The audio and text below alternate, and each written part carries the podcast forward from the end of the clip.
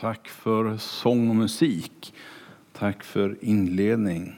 Det kan inspirera när man känner sig lite rädd, lite orolig. Tänk om det inte går. Tänk om det inte funkar. Tänk om Guds ord inte längre har den där kraften den brukar ha. Tänk om jag inte funkar. Ja, du vet, som predikant har man tusen rädslor och man letar ibland efter den där falluckan som man gärna skulle vilja trilla ner igenom ibland. Nej, så har det inte varit idag, men det kan vara så. Man kan känna rädsla för massor med olika saker. Bibelns uttryck för rädsla är också det här att känna fruktan. Jag tror att det är mer, man, det står talas om fruktan, men jag tror att det kan betyda rädsla ibland. Det, det, det blandar ihop sig lite grann. Men du och jag, vi kanske inte är vana vid uttrycket fruktan så mycket. Det står om frukta Gud. Och du vet att jag tror ju inte att tanken är att jag ska vara rädd för Gud. Jag tror inte att, att tanken är att jag ska vara rädd för honom som har gett sitt liv för mig. Utan när jag tänker på frukta Gud så tänker jag mera på respekt för Gud. Att känna och ha respekt för den som är himlen och jordens skapare. För han som är så mycket mer än vad jag kan önska och vad jag kan tänka och vad jag kan prestera. Eller vi för den delen. Så att respektera honom på ett sunt sätt, det tror jag är att frukta Gud. Låt mig få läsa ett bibelställe, också jag, ifrån Jesaja-boken. Det är bara några kapitel längre fram i boken. Eller för den som vill längre bak, i alla fall är det kapitel 43. Och det är som Ingrid sa, kommer du ihåg det? En, ett uttryck för varje dag, till och med skottåret. Söndag, måndag, tisdag, onsdag, torsdag, fredag och lördag. Varje dag i veckan. Varje dag i månaden. Varje dag på året. År efter år. Jag blir snart 63. Varenda dag under de åren så står Gud vid sitt ord. Frukta inte. Var inte rädd. Jag är med dig. Nu ska jag läsa bibelstället. Det är två versar. Det är inte så att jag och Ingrid har liksom plockat ihop oss och sagt att nu ska vi läsa ur Jesaja, utan det blev lite så idag. Och ibland kan man ju tycka att det är lite kul också. Kapitel 43, vers 1 och vers 10. Det står så här. Nu säger, men nu säger nu Herren, han som har skapat dig, Jakob. Han som har format dig, Israel. Var inte rädd, för jag har återlöst dig. Jag har kallat dig vid namn. Du är min. Och så vers 10. Ni är mina vittnen, säger Herren, och min tjänare som jag har utvalt, för att ni ska känna mig och tro mig och förstå att jag är. Före mig blev ingen Gud formad. Efter mig ska ingen komma. Amen. Ja, Herre, oavsett min oro och min rädsla så står du för ditt ord. Och jag ber Herre, låt det få flöda ut en trygghet och tro och frid ifrån ditt ord idag. Ifrån vår gudstjänst idag, som når igenom alla sladdar och kablar som finns rakt hem där människor finns idag och ser vår gudstjänst. Tack Jesus Kristus för att det du gjorde på ett kors för så länge sedan betyder så mycket för mig idag och för oss. Amen. Ja, vad är rädsla? jag kunde ju inte låta bli. Jag var ju tvungen att, att få oss att börja tänka på det där lite grann innan gudstjänsten. Och det är nog lite olika för oss var och en tror jag.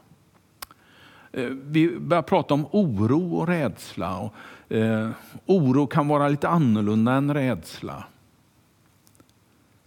När man går till eh, litteraturen om rädsla, för det finns det, tro mig. Det finns både böcker och det finns en och annan eh, artikel på internet också om man börjar leta. Så är rädslan en slags obehag. Från mild oro till ren skräck. Det är rädsla. Ett obehag. Och det där är så märkligt, för det där obehaget, det sitter sällan här uppe. Men det sitter här nere någonstans. Det sitter någonstans djupt i min själ, i, min, i mitt inre. Det kan få de där berömda hårstrån att resa på sig. Det, det kan få så mycket att hända i min kropp. För det är en fundamental instinkt, säger litteraturen. Det är alltså någonting som jag kanske inte alltid kan styra över. Det är alltså inte alltid fel, om det någonsin är fel, att känna rädsla.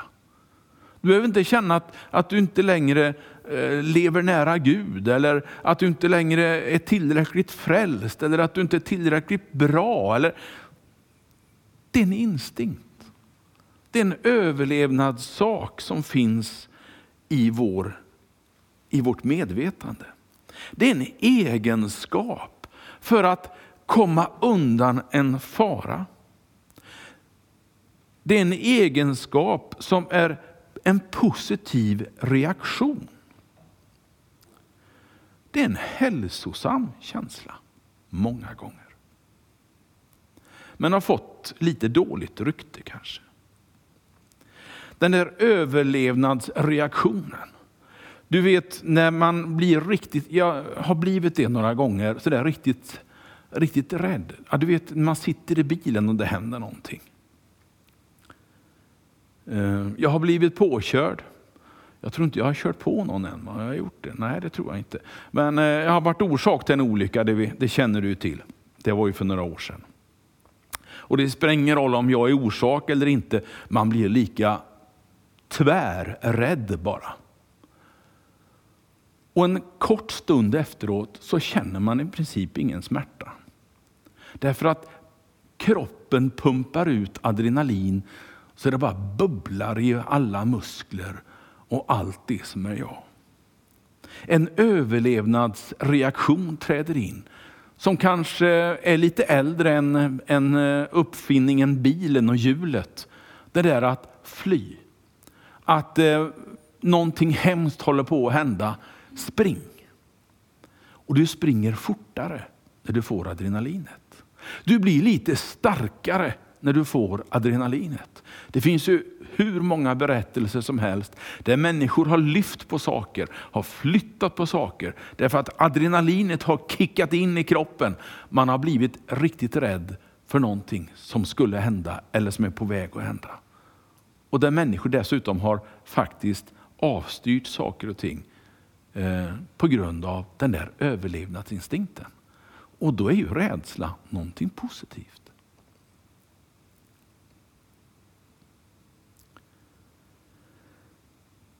Jag menar inte att på några minuter kunna uttrycka vad rädsla är. För jag tror att det är så individuellt. Du kan känna rädsla nu för någonting som du aldrig har gjort i hela ditt liv. Du kan känna rädsla för det som du inte har trott att du skulle vara rädd för. Och ibland så slutar vi att vara rädda för det vi var livrädda för när vi var mindre. Hur många är det inte som har varit väldigt mörkrädd när man var liten? Hur många föräldrar har inte kikat under sängen för att övertyga barnen om att det finns ingen drake där eller det finns inga monster i garderoben eller vad de nu man var rädd att de skulle dyka upp. Men det är inte lika många vuxna som eh, har den rädslan kvar. Men den kan säkert finnas. Jag vill idag ändå försöka att lyfta fram att rädsla kan vara okej. Okay. Det är inte fel i sig. Vad är vi rädda för då? Ja, när vi pratar med litteraturen så eh, pratar vi om att man är rädd för döden. Det behöver inte vara så jättedrastiskt. Det kan vara vanlig höjdskräck. Det kan vara det jag kommer ihåg så tydligt, Eh, som eh, 10-12-åring någonstans, hemma på min fars föräldragård. I eh, ladan där det var inkört hö på hösten och på vintern, vad gör man? Jo, man har ingenting att göra ute så man går in i laa och ska hoppa i höet. Och vi klättrar upp på den översta takstolen där, på den översta tvärslån där och där skulle vi hoppa ner i höet. Mm. Det kändes för en 10-12-åring, åtminstone kändes det för mig. Min kusin han hoppade bara för att det var kul. Men för mig krävdes det lite mer att slänga sig ut sådär och lita på att höet funkade. Att det inte var något vasst som stack upp där. Och, ja, ni vet, de rädslorna kan dyka upp sådär lite grann. En del är väldigt rädda för höga hastigheter. Jag kör inte gärna 200 km i timmen. Men eh, det är okej okay att köra 100 om det är motorväg. Och det skulle vara okej okay att köra 200 också om man kör nere på autobahn. Då finns det ingen som säger att jag inte får. Men jag gör det inte för jag känner en, en rädsla inför det där. Jag försökte en gång, men jag kom bara upp till 170. Sen tyckte jag att nej, det räcker. Det går fort ändå. Vad är vi rädda för mer? Ja, en del är faktiskt rädda för väldigt mycket under det här att förlora kontrollen. Förlora kontrollen över mina tankar och mina handlingar. Där jag inte längre själv kan styra saker och ting. Min far, när han blev riktigt gammal, så fick han uppleva demenssjukdomen. Och det var ett skede där när han sa, det känns så konstigt, sa han, för när jag vill säga någonting så blir det fel det som kommer ut, men jag vet vad jag vill säga. Och så grät han för att han tyckte att det var så jobbigt att inte kunna kontrollera det han sa, det han uttryckte och få det som han ville.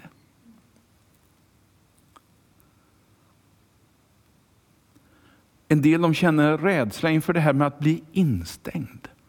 Att förlora kontrollen. Att inte längre ha kontrollen över sin, sin situation. Eller att inte kunna andas. Kanske det är det som är till uttryck för en dels rädsla för vatten. Det finns så mycket som man kan vara rädd för. Kanske en av de vanligare i pandemin är ensamheten. Att vara rädd för att bli mer ensam. Att förlora kontakten med yttervärlden. Att liksom inte känna gemenskapen med det jag är van vid, med dem jag är van vid. Att inte ens känna gemenskap med någon. Det där säger man ju är ju ett tortyrredskap, att klippa av all kontakt med yttervärlden. Och på det sättet bryta ner en människa. Att vara utfryst i kamratgänget. Att vara utfryst på arbetsplatsen, i skolan. Det är inte få som har den känslan. Eller att bli övergiven.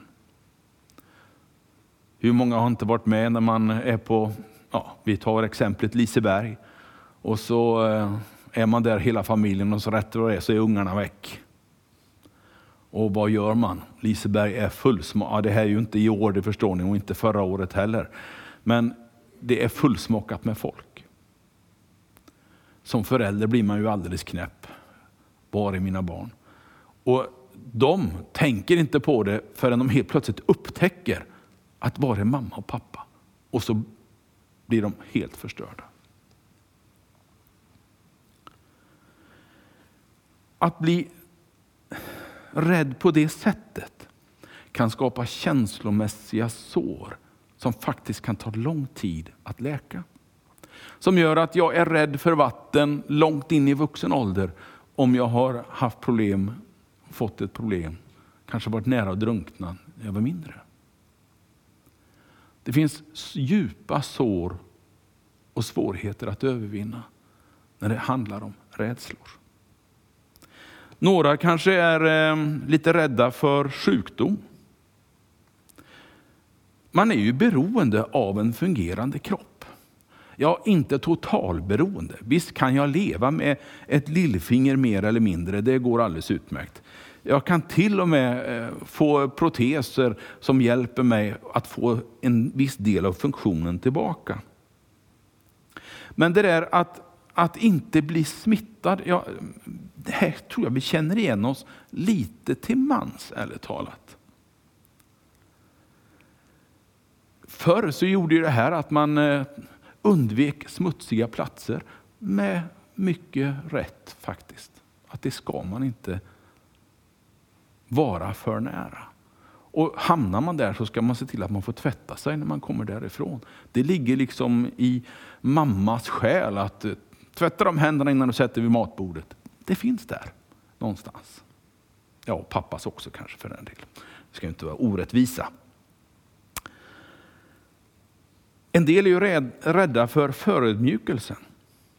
Att bli utfröst eller förolämpad.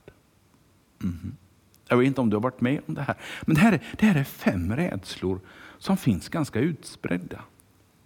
Rädd för döden, rädd för den här självständigheten som man förlorar, eller ensamheten som drabbar en, sjukdom och så förödmjukelsen. Att bli tillintetgjord, kanske till och med offentligt. Kanske till och med på tv. Kanske till och med i en församling. Sånt smärtar. Och jag hoppas hoppas att du inte är en av dem. Men jag kommer strax till vägen som faktiskt kan hjälpa till att få tillbaka ett normalt liv. Vad är, vad är motsatsen till rädsla först? Ja, jag är inte säker på att jag har eh, utforskat detta tillräckligt, men är inte mod en slags motsats? Det var någon som skrev så här, jag skrev av det. Det stod inte vem som hade kommit på uttrycket, men mod det är en liten tyst röst som i slutet av dagen säger, jag försöker igen, imorgon. Det är mod när man kommer igen. När man vågar igen en gång till. Det är mod. Min tredje punkt för idag, den första var lite grann vad rädsla är och vad vi är rädda för, vad den andra. Min tredje punkt, då landar vi lite mer i Jesaja-boken igen. Och då, redan från början så uttryckte Ingrid det, var inte rädd för han är med oss. Det innebär inte att, att det är förbjudet att vara rädd. Det innebär inte att det är ogudaktigt att vara rädd, utan det innebär att det finns en möjlighet. Att i rädslan, i den här känslan som är så svår att ta sig ur, så kanske man kan avleda uppmärksamheten på någonting annat. Och fokusera på det Gud har att ge. Det stod i den första versen ungefär så här. Var inte rädd, för jag har återlöst dig. Jag har kallat dig vid namn. Du är min, säger Gud. Det är inte bara ord när Gud uttrycker det. Utan han förklarar varför du inte behöver vara rädd. För han har återlöst dig. Han har frälst dig. Han har räddat dig. Även från rädslan själv. Sån är Gud. Gud står inte där bara med en massa vackra ord, för det har han sagt. Hur många som helst i boken av vackra ord finns det. Men han har också action bakom orden. Det står att Gud har kallat dig vid namn. Tänk att vi är, vi är kanske är vi 10 miljarder, ja inte långt ifrån i alla fall. Och så ser han en liten knodd i Kungälv på 60-talet växa upp. Och 70-talet så hänger sig den här unga pojken och sin församling, sin kyrka, när han har släppt taget om, om eh, bandy och annat kul som fanns runt omkring. Så vill han fokusera på kyrka och tro. Och så ser Gud det där. Och så säger han, Bengt, vill du tjäna mig som pastor? Som evangelist eller vad vi nu uttrycker det. är så fascinerande. En pojk bland åtta, tio miljarder människor. Och jag är långt ifrån ensam om att ha fått den kallelsen. Om det är till pastor eller missionär eller vad kallelsen är till, det spelar ingen roll egentligen i det här sammanhanget. Utan grejen är att Gud kallar dig vid namn. Du är inte bara någon ibland allihopa. Du är inte bara en utav alla sandkornen i sandhögen. Utan han känner dig så väl. Du är hans. Han säger, du är min, säger han. Du tillhör inte rädslan, du tillhör inte fruktan, du tillhör inte det negativa. Du tillhör Gud. Han kallar dig sin. Det stod sen i vers 10, ska vi eh, ta det också. Ni är mina vittnen, säger Herren, och min tjänare som jag har utvalt för att ni ska känna mig och tro. Mig och förstå att jag är. Före mig blev ingen Gud formad och efter mig så blir det ingen Gud heller. Mm. Utvald att tro. Jag är inte bara kallad att göra en massa, att, att vara en massa. Det, där finns den kallelsen också. Men jag är utvald att tro. Och tro då inte att jag är ensam om det, eller att jag och Ingrid, eller att vi som är i kyrkan idag är ensamma om det. Jag tror att den kallelsen att tro gäller varje människa på denna jord. Och sen är det upp till dig att svara hur du vill möta den kallelsen, att tro på honom. Så det är inte heller egentligen en känsla som rädslan tar bort. Utan det är en vilja. Jag vill tro, jag är kallad att tro, jag vill tro på Gud. Jag sätter min tilltro till honom. Och då kommer det är som ett svar ifrån himmelen, den där friden, den där känslan av att Gud tar hand om mig, för jag är hans. Och Gud presenterar sig så härligt läckert i vers 10. Förstå att, så står det i min översättning, så står det med stora bokstäver, jag är. Och då kommer det genast några små antydningar om, ända från Moseböckerna, där Moses står framför en brinnande buske och får uppleva sin kallelse. Och så säger Gud, jag vill att du ska gå till farao och jag vill att du ska ta med ditt folk och lämna landet. Ja du, det kan du drömma om. Det klarar inte jag, säger Mose. Och förresten, vem ska jag säga att du är? Vem ska jag säga kallar mig att göra detta? Ska jag säga, jag är, får Mose höra. Alltså, Gud var hans Gud där och då.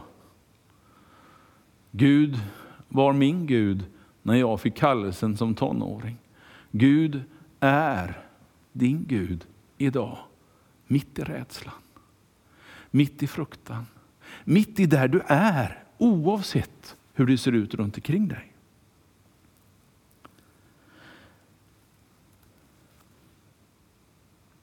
Och när Gud säger att jag är, så innebär det att jag kan gå tillbaka till Mose och hitta följa ända genom Jesaja hela, hela vägen. Fram till Jesus. Han har sju gånger när han säger jag är på olika sätt.